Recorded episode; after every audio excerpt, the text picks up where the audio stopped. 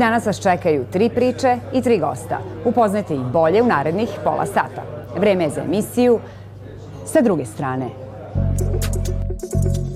Podrška su mi moj suprug koji je to bio od prvog dana. Pokojni otac je bio ovaj, jedan ozbiljan trener, bio, je, bio je selektor Srbije Crne Gore. To ljudi recimo misle da ja sad sve to zapamtim. Mi osam godina već ovo idemo, da bi ja sad trebalo da svaki recept znam na pamet, svaki savjet koji sam dala i onda kažem čekaj, ja često odem i onda u svojoj emisiji gledam šta sam to radila.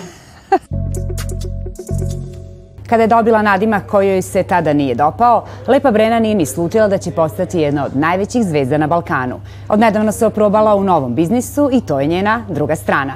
U čarapama iz kolekcije Lady B svi možemo da imamo duge noge za igranje.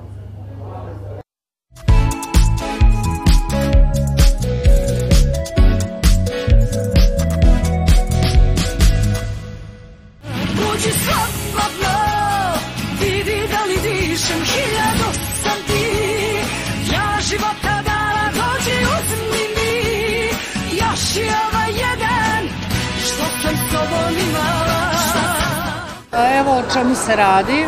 To su hula hop čarape koje sadrže nanočestice zlata i koje sadrže hijaluronsku kiselinu koja je veoma važan sastav naše kože, a isto tako postala je sastavni deo svih kozmetičkih preparata koji neguju kožu i koži daju vlažnost. Mi smo ovaj projekat započeli i ovaj posao započeli smo pre dve godine.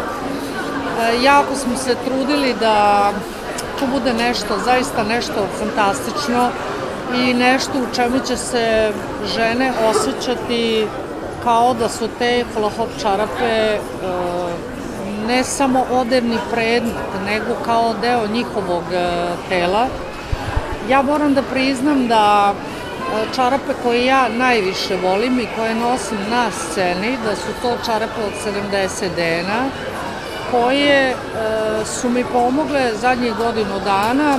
Vi svi znate koliko ja radim i koliko imam koncerata. E, pa dovoljno je jedan koncert da imate i da preigrate u štiklama na njemu, da vas naravno bole i noge i da osjećate malo problem sa otečenim nogama. U tim čarapama od 70 dena ne vide se ni vene, ni kapilari, noge ne otiču i ja, ja zaista osjećam se mnogo lako i mnogo sveže. Ako ste lepe, onda pokušavaju da vam ubiju samopouzdanje za vašu lepotu. Ako ste pametni, stalo vas na neki način negiraju, Ako ste visoki, smeta im ako ste visoki, ako ste uh, prešli 25 godina, već vas nazivaju, ne znam, nekim, uh, kako bih rekla, pežorativnim, pogrednim imenima.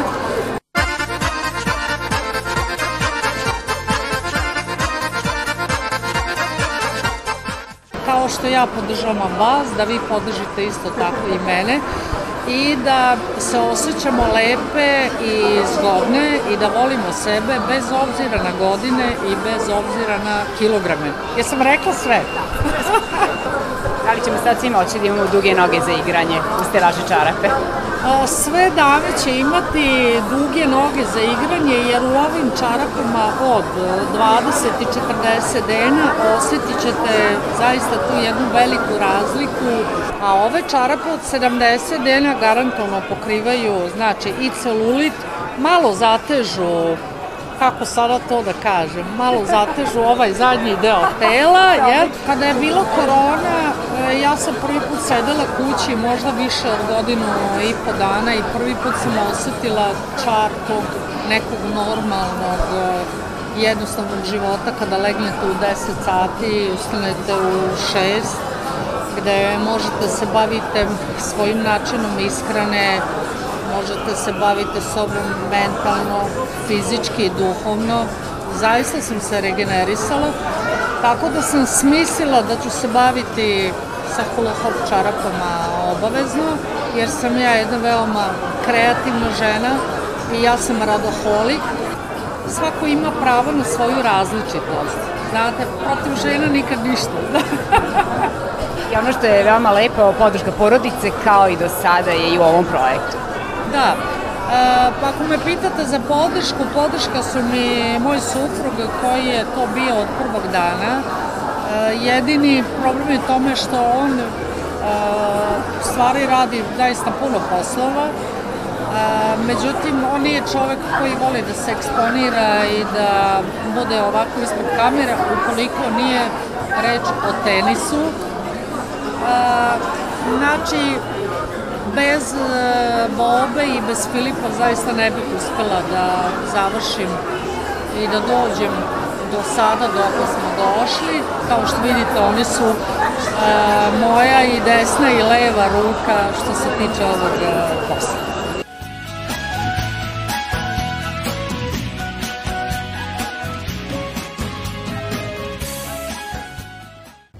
On je disciplinovan, hrabar i srčan igrač. Potekao iz familije legendarnih rukometaša i svojim uspesima nastavio porodičnu tradiciju. Aleksandar Kurteš, pivot Vojvodine.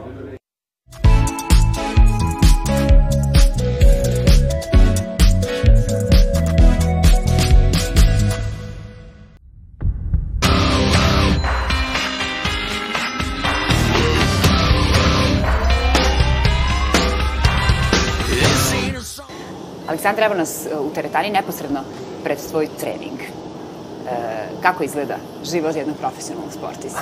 Pa sigurno ima, e, da kažem, svakodnevne aktivnosti neke koje su e, mnogo zahtevne i... Ti si tri godine u Vojvodini? Da, ovo mi je treća godina. Da, e, i to je tvoja velika želja od malih nogu.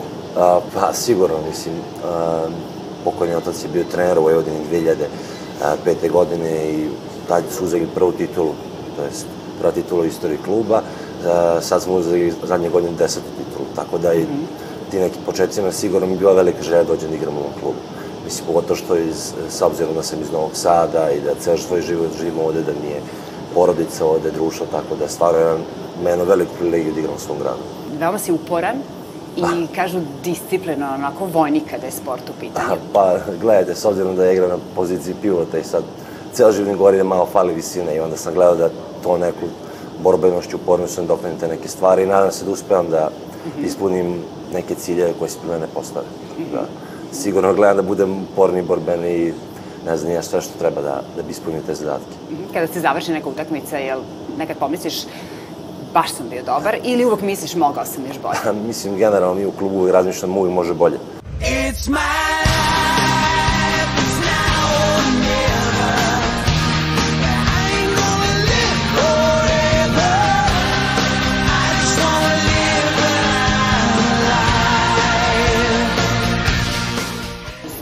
sam da si sportske porodice i otac i stric su uh, u rukometu. Da li se negde očekivalo od starta da je ti i brat da krenete pa, ka rukometu ili si baš želeo taj sport? Pa ja sam generalno počeo s rukomet s nekih 12-13 godina u rukometnom klubu Jugović iz Kaće, gde su i moji počeli. Uh, pre toga sam trenirao judo 6-7 godina i iskreno da bude nisam baš želeo da krenem rukomet, više sam bio zaljubljeniji u košarku. Generalno i danas nekad više gledam košarku nego rukomet. Uh, možda nisam trebao da kažem, ali nema veze, ali ovaj, generalno je bio neki logičan, da kažem, ovaj, potez da krenemo rukom. Uh, pokojni otac je bio ovaj, jedan ozbiljan trener, bio je, bio je selektor Srbije Crne Gore, bio je uh, trener u dosta klubova koji su jaki u Evropi, tako da bio je neke logike da krenem tim putem. Takođe i Striz, da, sad, da se ne naljute da ga ne pomenem, je isto aktualni trener, tako da uh, većina moje porodice je u sportu. Da. E, da li je to opterećenje za nekog sportistu kada znaš da e, iza tebe, dakle, stoji generacija jedna veoma uspešnih e, pa. ljudi i sada ti treba negde opravdaš? I, ili budeš tu negde ili možda čak i bolje? Pa ne znam, meni iskreno to bio neki motiv više. Koliko misliš da je e, za sportistu prednost to kada trenira u klubu, kada postoji ta neka energija zajednice, gde kada pobedite zajedno se radujete? Pa, mislim da je timski sport ima neko određenu prenos, prvenstveno što čovjek nauči da funkcioniše u kolektivu, što je jako bitno ne samo za sport, nego za život generalno. Da li se i družite privatno? Da, naravno, naravno. Generalno u našem klubu trenutno je stvarno fantastična atmosfera. Um, tu su druženja, ne znam, kafe posle treninga i subotu umi da se proslavi kad pobedimo utakmicu, mm -hmm. tako da stvarno ono, imamo jednu lepu atmosferu. koji trenutak pamtiš kao neki koji ti onako, kada ti je bilo puno srce? Pa iskreno, prvu godinu kad sam došao u Vojvodinu, posle mes dana smo igrali, pošto to je bio period posle korona, igrali smo neki zaostali kup, Final Four zaostalog kupa i eto, to mi je bio, kažem, možda i prva zvanična utakmica u klubu, gde sam stvarno odigrao fantastične dve utakmice, tako da te neki period, te dve utakmice stvarno osjetu sećam.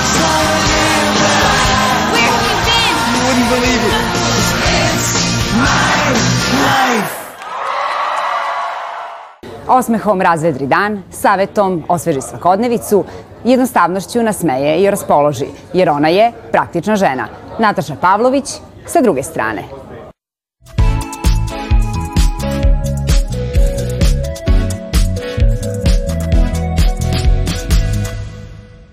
Ma što da želim Sve je tako daleko I sad mi žao Sve bi opet ponovo Nataša, evo nas e, u parku, mogu da kažem to je centar tvog beogradskog života. E, dobro si to dodala, mog beogradskog mm -hmm. života, tačno. Kako sam došla ovde, a, prvo je bila peta beogradska gimnazija u kojoj sam bila upisana, ovde je iza. Mm -hmm. Ovaj, I tu sam provela dobre tri godine, divne, u stvari više sam možda provela, nisam sigurna da li više dole u školi ili ovdje na tašu. Aha, je bilo malo bežanje sa časova? Um, ne znam da li gledaju deca, nije, nije. Ali recimo da nam je šansa ovdje, to je jedan um, kafić poznati tu na mhm. tašu, koji od uvek postoji, mislim da će zauvek da postoji, uh, bila druga škola, recimo. -hmm. Istoreno odeljenje. Da, isto, da, to, to. Samo najbolji su išli ovde. Um, a dobro, ja sam bila nekako naklonjena toj umetnosti i svemu, da sam ja voljela, tako sam išla sa neke amaterske grupe glumačke, pa smo se mi tu nalazili, pa pričali, pa to mi sve bilo mnogo važnije od škole, kao mi smo mhm. nešto bili da, da, da. više od te škole, tako da. su mi zamišljali, naravno. Ali, ovaj, dobro mi je društvo ostalo iz, iz pete i ovdje sam se u crkvi Svetog Marka um, krstila. Imala sam već 18 godina mm -hmm. i tako sam nešto odlučila i tako da me i zato vezuje ovaj tašmajdan za, za neke lepe uspomene i I nekako sva to jutra, baš kao u pesmi Bore Čorbe, svanulo iznad crkve Svetog Marka, e, nekako mi je, baš osjećam tu pesmu. Mm -hmm.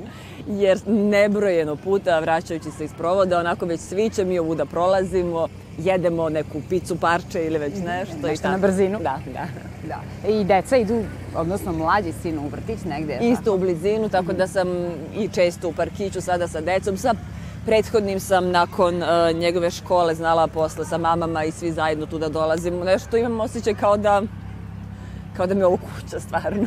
Pre Beograda živjela si u Zagrebu uh, i evo mene zanima kako si tako odlično uspela da uh, akcenat potpuno poprimiš. Mm, uh, nije, nije odlično, mm. hvala ti, ali nije savršeno, uh, ali je dovoljno dobro da, da mogu da radim na televiziji, zato je zaslužna Milka Canić naša. Mm -hmm. um, nažalost, evo sada bih volila, a možda me negde i čuje divna jedna žena koja ne samo da je bio, bila profesionalac u svom poslu, već je neverovatno duhovita žena. Mm -hmm. Nismo to u slagalici imali priliku da vidimo, da, jer tamo da. morala da bude ozbiljna. Tako i kratko ali sam samo javljala, dan, da. da. ali sam svakog dana radila sa njom vrlo intenzivno i ona je zaslužna za to. Odlično te prihvatili društvo kada si stigla, to stalno ističeš. Ističem da zato što, zato što zaista zaslužuju. To su, bili, uh, to su bila deca, šta su oni imali 16 godina kao i ja. Nisu oni mogli da shvate ni pojam rata, ni dešavanja, ni I prosto sam toliko zahvalna njima jer da nisu oni bili takvi, pa zamisli koliko bi mi bilo teže, em dođeš sav depresivan, nezadovoljan, nesrećan, izgubio život, sve i još da te tu ne prihvataju i ne vole.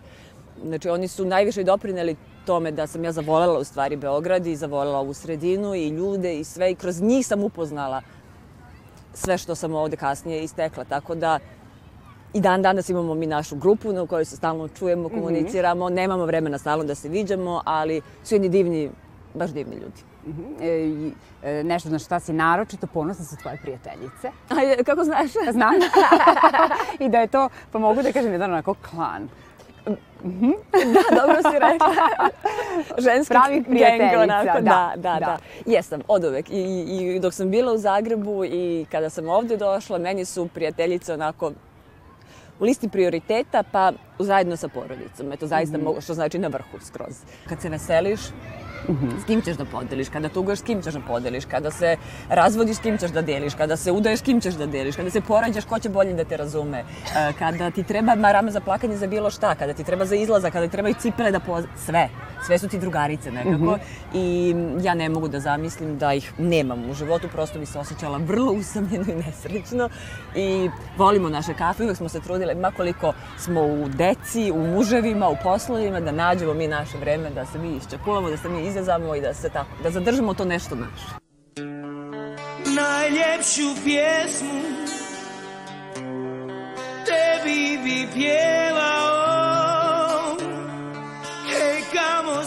sreće da sam pjevat mogao Godinama sam naučila, pošto sad ljudi me znaju s televizije, pa jako glupo da ja negdje dođem i da budem onako kakva sam zaista, odnosno čutolog koji više voli da posmatra i više voli eto tako da, da drugi rade, a ja da onako sedim i, gledam. Jer se od mene sada očekuje negde da budem takva ista kao i na televiziji. To jeste jedan deo mene, ali nisam ja sad idem po ulici i smijem se. Jedna žena mi je neki dan rekla ako prolazi pored mene, kaže, a ja sama idem ulicom. I kaže, ha, vidi kako je ozbiljna. A tamo se stalno smeje, aha, ovde ništa. Kao, kao ja bi sad trebalo da idem i po ulici i stalno samo da se smijem ko luda na E, da, brašno. to je kada ljudi naviknu. Da. Da. U domovima si svakodnevno, Da. mnogih ljudi, ogromna odgovornost. Jeste. Jeste, to sam najviše u stvari shvatila a, kroz decu. Jer nije pravljena emisija za decu, ali deca iz nekog razloga eto, vole i A i gledaju. muška populacija. Da, i Da, to da. mi je čudno. da. Nije bilo namenjeno, ali Nije, ali da. prepoznali I, i jako sam očigledno. srećna zbog toga. Jer nekako je postala onako porodična emisija i kada se gledaju ta istraživanja i to e, koja je ciljna grupa, svi su nekako ciljna grupa. Tako da je meni drago što sam ja nekako e, narodski čovek za sve tu i što kada mi tako neko na ulici kaže, e, sad se ne smeje, ili, ili kad odem u pekaru pa mi kaže, ha, ha vidi je, kupuju u pekari, kao sad bi ja trebala i hleb da mesim svakog dana. I onda sve neke pridike i slatki komentari meni budu jako simpatični, jer znači da, da me stvarno doživljavaju kao svoju i imaju tu slobodu da mi priđu tako i da mi kažu, što mi je isto u redu. Veoma si neposredno u emisiji, čak i te neke lapsuse i nešto što ti baš ne ide od ruke u kuhinji, pa to ljudi vide i vole da se sa tim identifikuju. Pa a, ja ih namerno ostavljam, pošto i sama znaš u ovom si poslu, što ne valja isečeš i baciš, što valja ostaviš. E ja namerno želim i uvek kažem ovoga, da, da se u montaži ostavljaju i lapsus i sve ostalo, zato što, naravno, ne oni koji mogu uti, da utiču loše na Tako nekoga, je, da, na da. obrazovanje nekog ili bilo što drugo.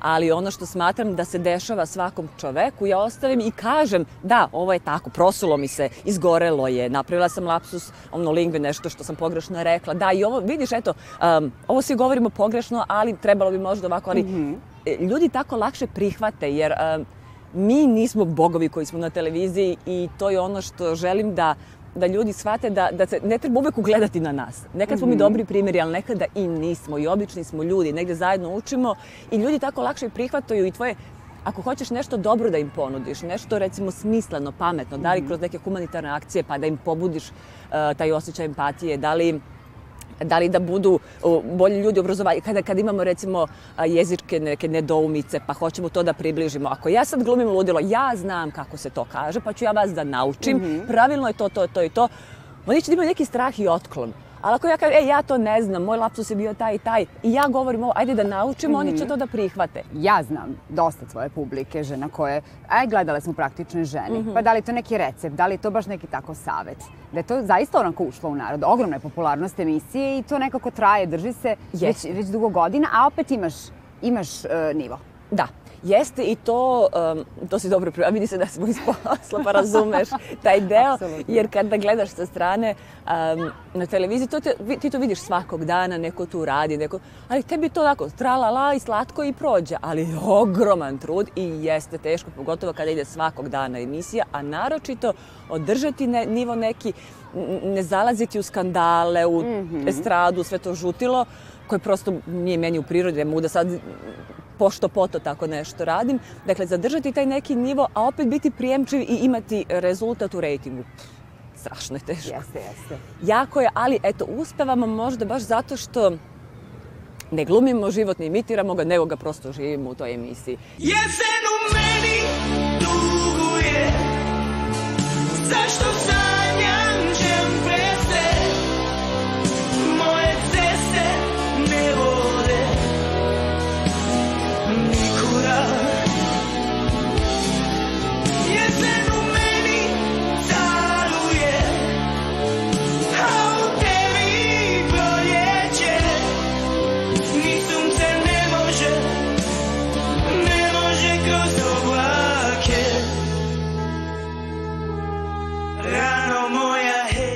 Da li si ti praktična žena? Um, a ja mislim da je svaka danas praktična. Prosto htela, ne htela, mora da bude ako balansira između uh, posla, izgleda, evo kako divno izgledaš. Ja sam sigurna da ti nešto tru, ili treniraš ili se strašno trudiš oko ishrane, ali to nije slučajno. Jesi u skladnom braku i meni je eto interesantna e, priča da je tebe tvoj sadašnji suprug kada te zaprosio i kada se to proslavlja da ti doveo Akira Himovskog, kojeg obožavaš. A, jeste, jeste, jeste. To, je- to je to davno bilo, ali bilo je i to je jedan od najlepših dana u mom životu.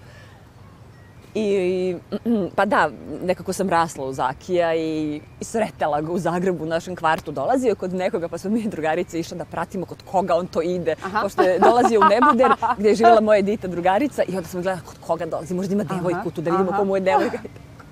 Onda u, drugom marketu je bila Josipa Lisac sa svojim čuvenim tadašnjom velikom ljubavlju, pa su se oni ljubili, bili uživo A vi ste ispred sve to nas. videli?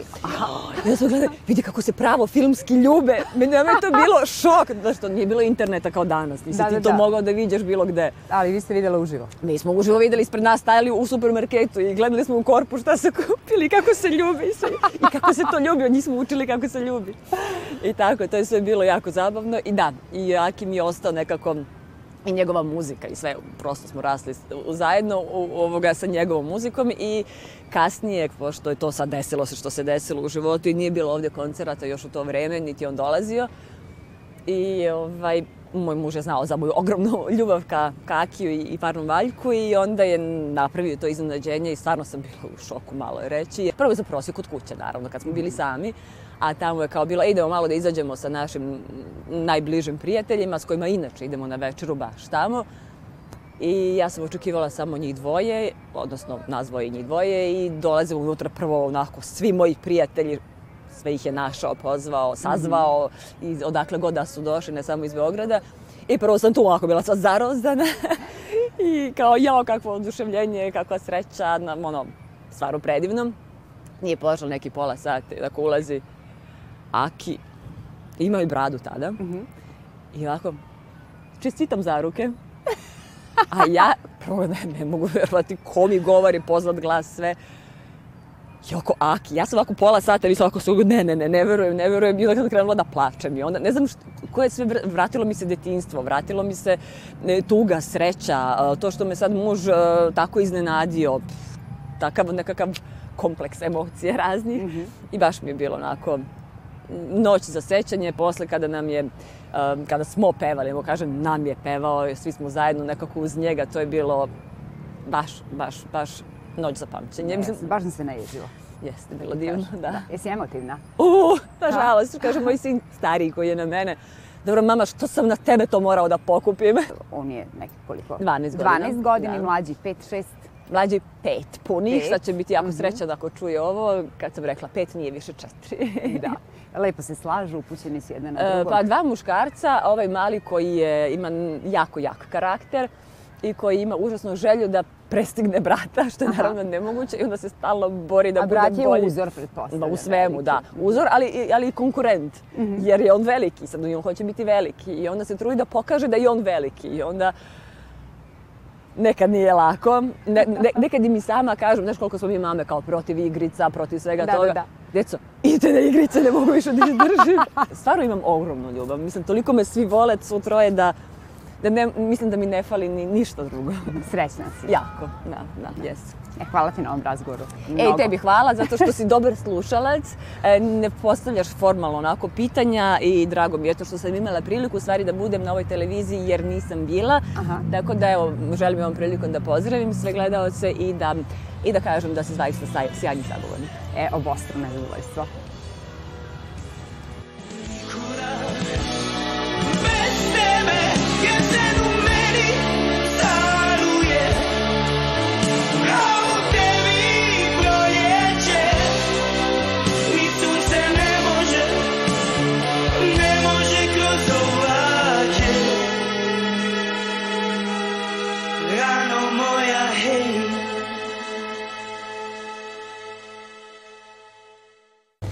Sa novim pričama vidimo se opet za nedelju dana. Sa druge strane,